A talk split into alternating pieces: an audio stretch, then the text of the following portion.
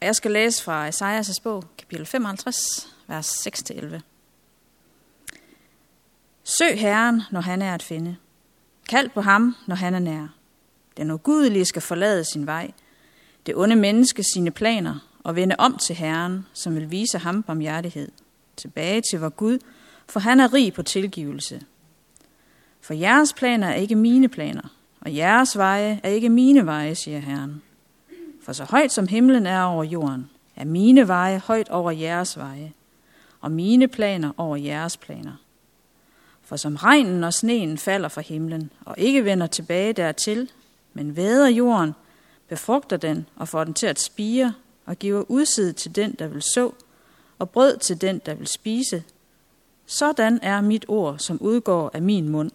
Det vender ikke virkningsløst tilbage til mig, men det gør min vilje og udfører mit ærne.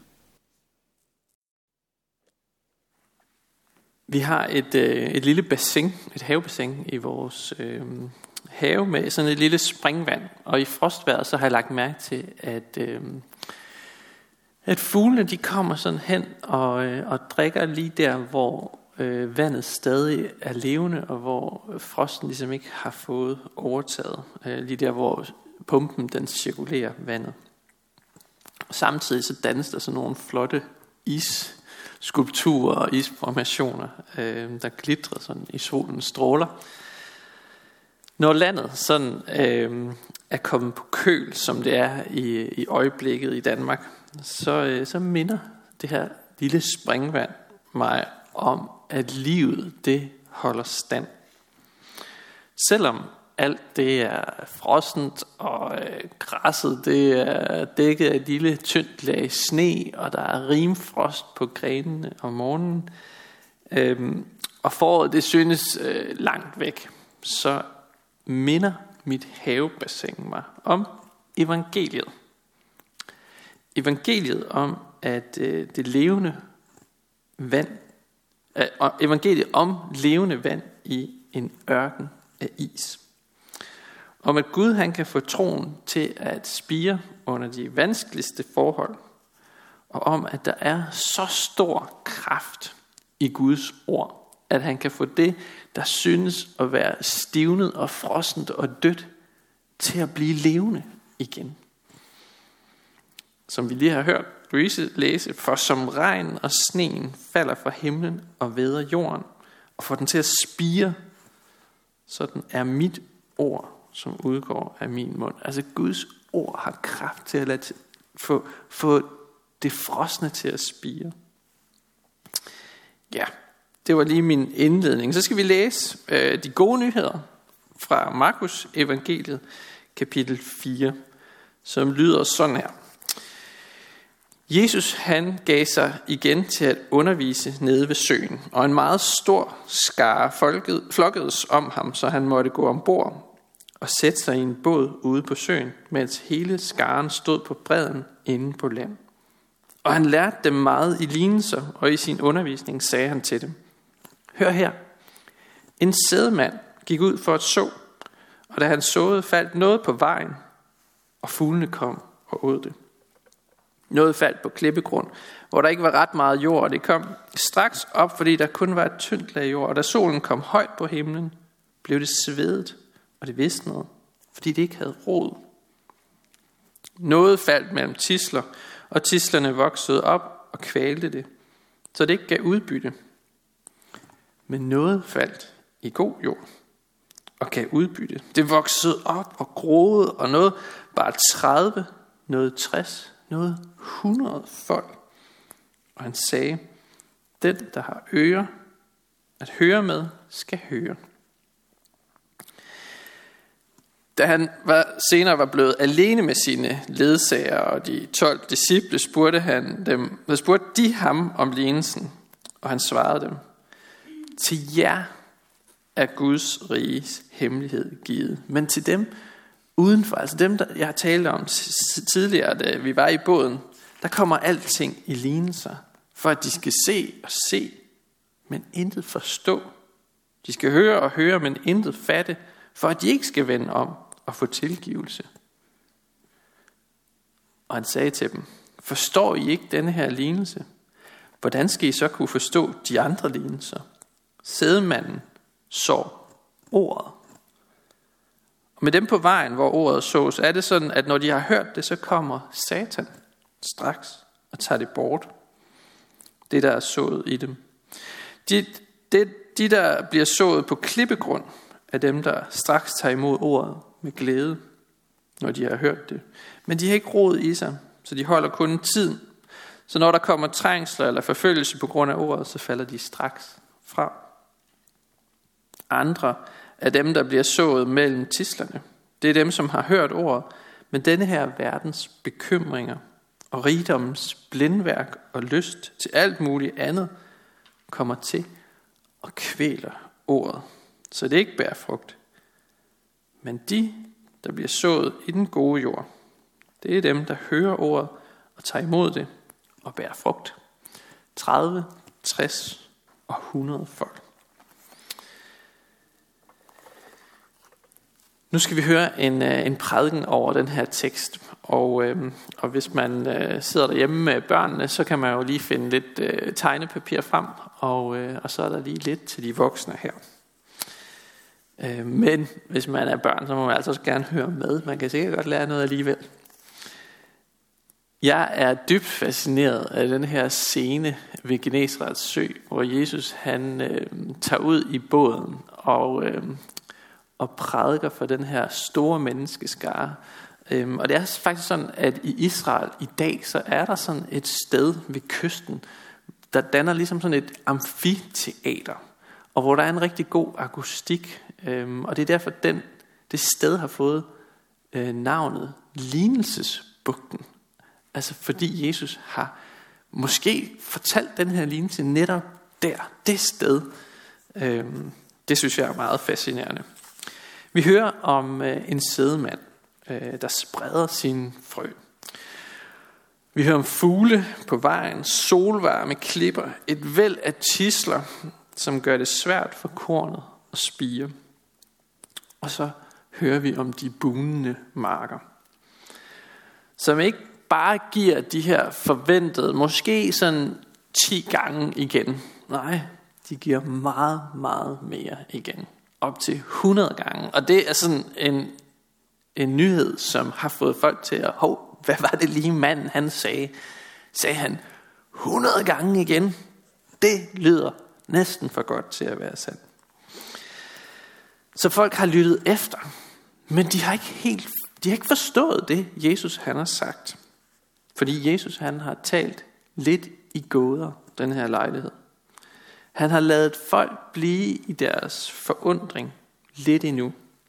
Og det er der faktisk en pointe i, og det er derfor teksten citerer den her lidt mærkelige tekst fra Esajas bog om, at de skal se og se, men intet forstå, og de skal høre og høre, men alligevel ikke fatte det.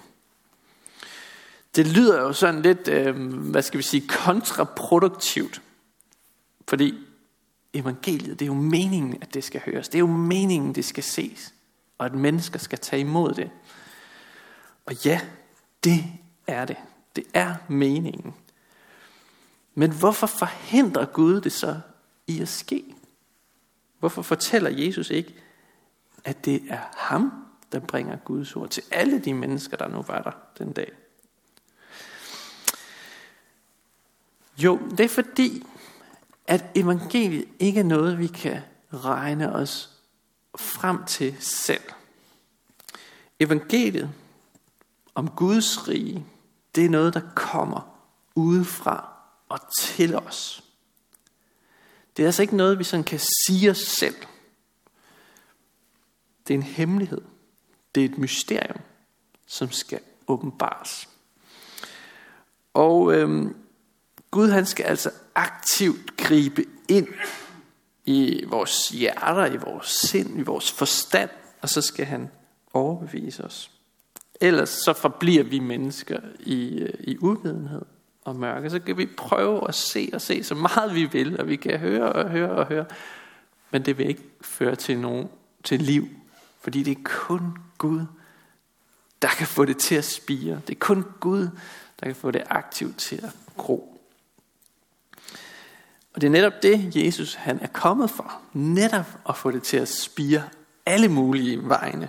For at åbenbare Guds hemmelighed. Både for disciplene, både for dem, der var der øh, ved hvad hedder det, folkeskaren, men i en bestemt rækkefølge. Fordi Jesus han har bestemt, at først så skal hemmeligheden åbenbares for de 12 disciple.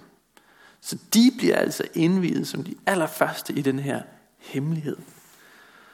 Og så har vi fået lov til at, at få et indblik i den her åbenbaring, den her hemmelighed, igennem disciplenes skrifter i Bibelen. Øhm, og det kan vi så være taknemmelige for. Men de første insider i Guds hemmelighed, det var altså de 12 disciple. Hvad siger Jesus så til sine disciple? Jo, Jesus han løser det her mysterium og forklarer, at øh, det er Guds ord, sædemanden han så. Øh, det havde de ikke kunne sige sig selv der havde de ikke fanget. Hvad var det for nogle frø, som skulle, skulle spredes og skulle spire? Jamen det var Guds ord, sagde Jesus til disciplene. Og flere steder i Bibelen, så sættes der faktisk lighedstegn mellem øh, Guds ord og Jesus selv. Øh, vi læser om det i øh, begyndelsen af Johannes evangeliet, hvor øh, Jesus han siger, øh, at Guds ord blev kød og tog bolig i blandt os. Altså, at Guds ord, det var faktisk Jesus selv. Han siger det også i, i et af sine i et af brevene i det nye testamente, hvor der står, at hvor Jesus beskriver som livets ord, det som vi betragtede og vores hænder rørte ved. Altså noget meget, noget meget konkret. Så det er Jesus, der bliver omtalt som Guds ord. Det ord, som er Jesus selv, er altså blevet sået gavmildt i den her lignelse, på steder, hvor man øh, ikke kunne forvente, at det kunne spire. Og hvis vi sådan lige skal sætte os ind i, hvad det betyder, så er det, at der er ikke nogen steder, der er ikke nogen byer, der er ikke nogen arbejdspladser, der er ikke nogen skoler, der er ikke nogen raser, der er ikke nogen køn, der er ikke nogen hudfarver, der er ikke nogen nationaliteter, som ikke er modtagelige for Guds ord. Alle mennesker er modtagelige for Guds ord. Gud spreder sit ord alle vegne. Det er det, det minder os om. Men der er ting i os, der kan forhindre det i at vokse. Der er ting, som kan stå i vejen for, at det her ord, det ligesom bliver til noget. Jesus han nævner selv tre ting i den her lignelse. Først så nævner han trængsler og forfølgelser. Det er kornet på klippen, der bliver øh, brændt af solen. Jesus siger, at øh, det er dem, der straks tager imod ordet i glæde, men de falder fra, når troen kommer til at koste noget. Og med det siger Jesus også, at troen kommer til at koste dig noget. Den koster måske din popularitet. Den koster måske dit arbejde. Den koster måske dine nære relationer. Den koster din tid. Dine ressourcer. Og jeg tror, de fleste af os, som sådan har øh, været en del af kirken i, i mange år, vi har set, vi har kendt personer, der først viste øh, interesse for evangeliet og glæde ved det, og glæden ved fællesskabet i kirken – men efterhånden som tiden gik, og det fik konsekvenser at tro, så meldte de pas. Og så forsvandt de fra det kristne fællesskab. Hvad skyldes det? Jo, Jesus han giver faktisk en, en lille mini-forklaring på det. Han siger, fordi de ikke har råd i sig. Et træ uden rødder vælter nemt, men et træ, der er solidt plantet i mulden med dybe rødder, kan holde til voldsomme storme uden at vælte. Vi har altså alle sammen brug for dybe rødder, som kan holde os fast. Det var den første ting, som Jesus han nævnte som et, øh, en ting i os, som kan, kan få som kan gøre, at frøene ikke kan spire.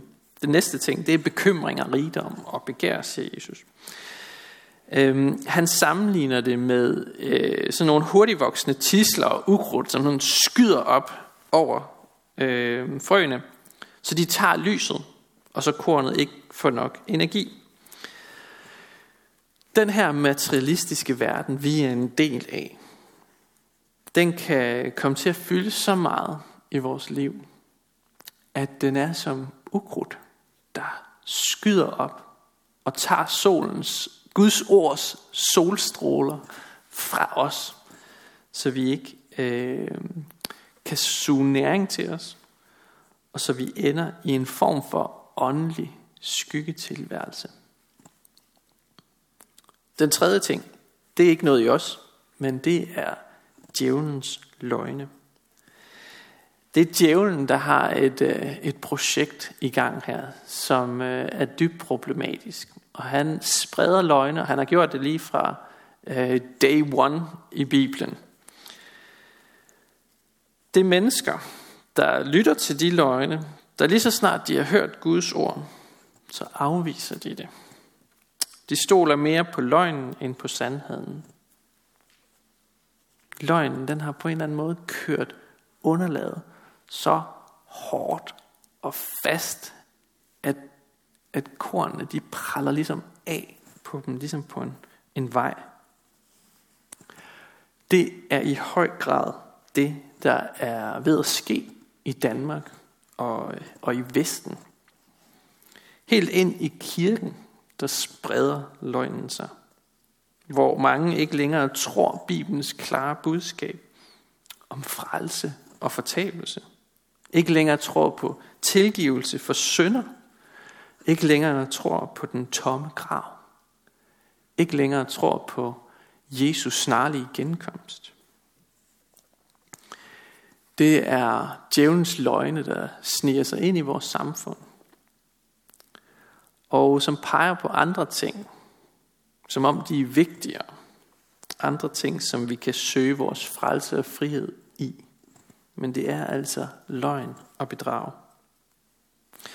Men så er der også korn, som lander i, øh, i den gode jord i eneste. Dem, der hører ordet og tager imod det.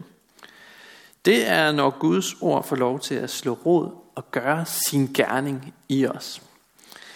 Det er når Guds, øh, eller måske tænker du, at, øh, at oddsene for, for, at det her det skal ske sådan bredt ud i samfundet, de er sådan lidt små. Men, øh, men budskabet er faktisk øh, helt klart i dag, at Jesus siger, at oddsene for, at mennesker kommer til tro, er kæmpestore. 10 gange større, end du tror. Og det er derfor, det er så vigtigt, at vi spreder Guds ords frø til mennesker, vi møder i vores hverdag. Så Guds ord kan spire og slå rødder, selv på usandsynlige steder. Og det er øh, på grund af de her rødder, at Bibelen skal ligge opslået på vores alter her i kirken. Guds ord det skal forkyndes søndag efter søndag.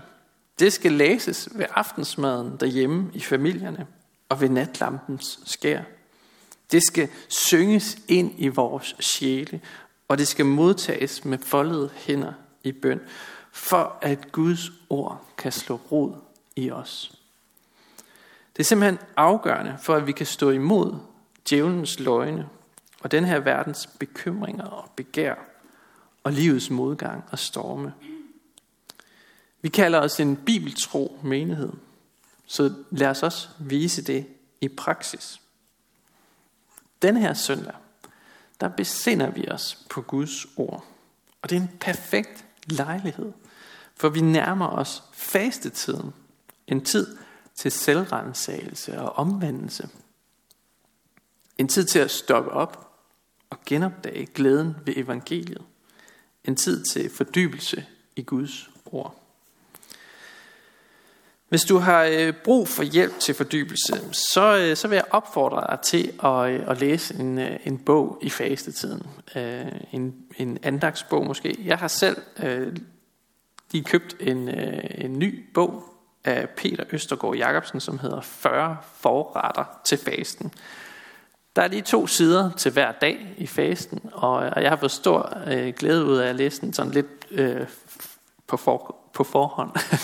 det er meget godt, når man skal forberede nogle prædikner.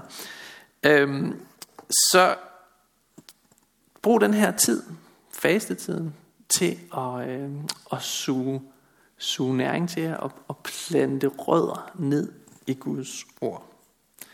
Øhm, faste, det kan selvfølgelig øh, bruges forkert, øh, ligesom andre gode ting kan misbruges, men en god tommelfingerregel, det, er, det står øh, der i en tekst i Isaias bog, kapitel 58, det er, at faste skal være en dag til Herrens behag. Det er ikke en konkurrence. Det er ikke for at flashe din fromhed, eller for at gøre dig fortjent til Guds kærlighed. Det er for at slå rødder en dag til Guds behag. Fastetiden den øh, begynder øh, aske onsdag den 17. februar, altså om 10 dage. Øhm, så det er også en opfordring her fra mig af til at, øh, at gå hjem og spekulere lidt over, hvad skulle jeg måske øh, begrænse i en periode for at gøre mig klar, for at forberede mig på den fest, som, vi, som snart nærmer sig, nemlig påskefesten. Det hedder aske onsdag, fordi asken den symboliserer det samme som isen i min indledning, nemlig asken repræsenterer det, det døde, det livløse, det udbrændte. Men ud af asken, der skal der opstå liv. Af graven skal livet bryde frem igen. Øhm, man har sådan i den tidligste kirke, så har man brugt fønixfuglen som et, et billede på den her forvandling. Fønixfuglen, den, øh, det er sådan en legende, den lever ligesom øh, 50, nej, 500 år før den dør, og så bliver den til aske. Men ud af asken, der opstår der en ny levende fugl. Sådan forkynder den døde aske om nyt liv i Kristus aske onsdag. Ud af asken, der vokser påsken og livet. For uden faste, ingen fest. Lad os bede sammen. Vi takker dig, Jesus, for lignelsen om sædemanden, der så dit ord gavmildt, selv steder, hvor man ikke skulle tro, at det kunne gro. Vi takker dig, fordi du giver væksten, og du lader troen gro. Vi beder dig skærm os mod alt det, der kan forhindre dit ord i at gro. Og giv os at slå rødder i dig. Vi takker dig for menigheden og beder dig styrke os i indbyrdes kærlighed og udruste os med nådegaver til fælles gavn og opbyggelse. Og lær os at række ud over egne behov. Vi beder dig for menighedens børn, både de fødte og de ufødte. Beskyt du dem og lad dem få lov til at vokse op i troen på dig. Vi beder dig for menighedens konfirmander og unge, for deres liv og vækst i troen. Vi beder dig for ægteskabet og dem, der lever alene. Giv os din kraft til at leve efter din vilje. Vi beder dig for skærn, by og omegn, at du, Jesus, må blive kendt, troet, elsket og efterfulgt, og at dit ord må spire her. Vi beder dig for Niels Jørgen Fogh, menighedens vejleder, at du må styrke ham i hans arbejde og holde os alle fast på Bibelens grund. Vi beder dig om, at du vil være nær hos alle, der er ramt af sorg, sygdom og lidelse. Giv os mod til at være til stede og visdom til at lindre smerten hos hinanden. Vi beder dig for vores menighed, at vi må være en kirke, en taknemmelig kirke i mission. Lad budskabet om dig, Jesus, spredes over hele jorden og styrk dem, som forfølges for dit navns skyld. Vi beder dig for vores folk, for alle, der er blevet betroet magt og autoritet. Hjælp dem og os til at værne hinanden mod uret og vold. Og kom så snart og gør alting nyt, Jesus. Amen.